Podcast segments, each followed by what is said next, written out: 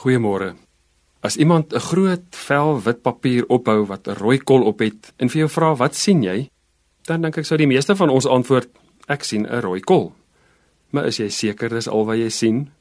Is dit nie meer korrek om te sê ek sien 'n groot wit bladsy met 'n kol op nie? Daar's 'n interessante studieveld in die sielkunde en die neurologie wat genoem word negativiteitsvoorkeur. En dit beteken dat ons eintlik natuurlik geneig is om soms meer gewig te gee aan die negatiewe as aan die positiewe aspekte. Dink maar net as iemand vir jou 'n belediging gee, hoe mens eintlik verlang daaroor dink en daaroor top. Maar laat iemand nou net 'n positiewe opmerking maak, dan vergeet ons dit maar maklik. Die nuus is ook 'n goeie voorbeeld daarvan dat as daar duisende dokters vandag goeie werk doen, gaan dit nou nie voorblad nuus wees nie, maar laat een nou net 'n misstap begaan, dan is dit voorblad of laat dit 'n prokureur of 'n skoolhoof of veral 'n dominee wees, dan sal dit verseker voorblad wees.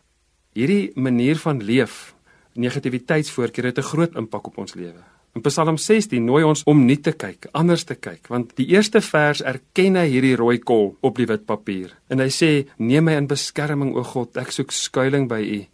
Maar dan van vers 5 af beskryf hy die groot wit bladsy en hy sê: "U is my lewe, U sorg vir my." Alles wat ek ontvang kom van U af. 'n Pragtige deel is vir my afgemeet. U leer my hoe om te lewe. By U is oorvloedige blydskap. Uit U hand kom net wat mooi is.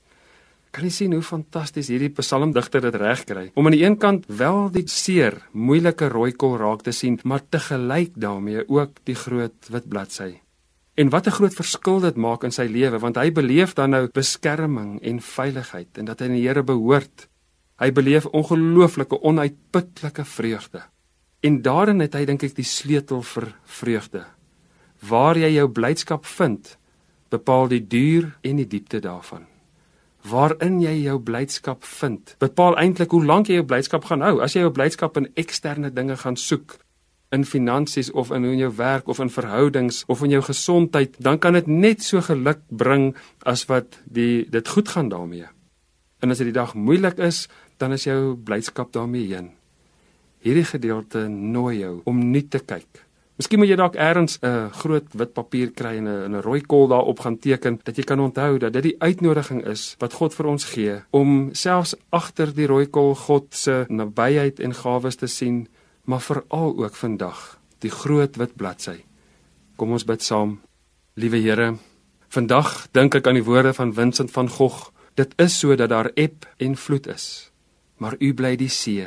U is die see, Here, en daarom help ons om vandag al meer en meer al die oorvloedgawes raak te sien. Dankie dat U ons omring en deurstroom. Amen.